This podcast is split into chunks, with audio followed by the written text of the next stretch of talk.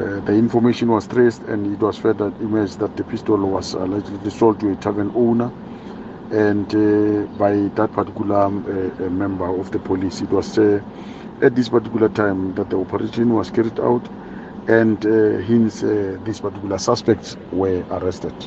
we, the suspects are expected to appear before court soon.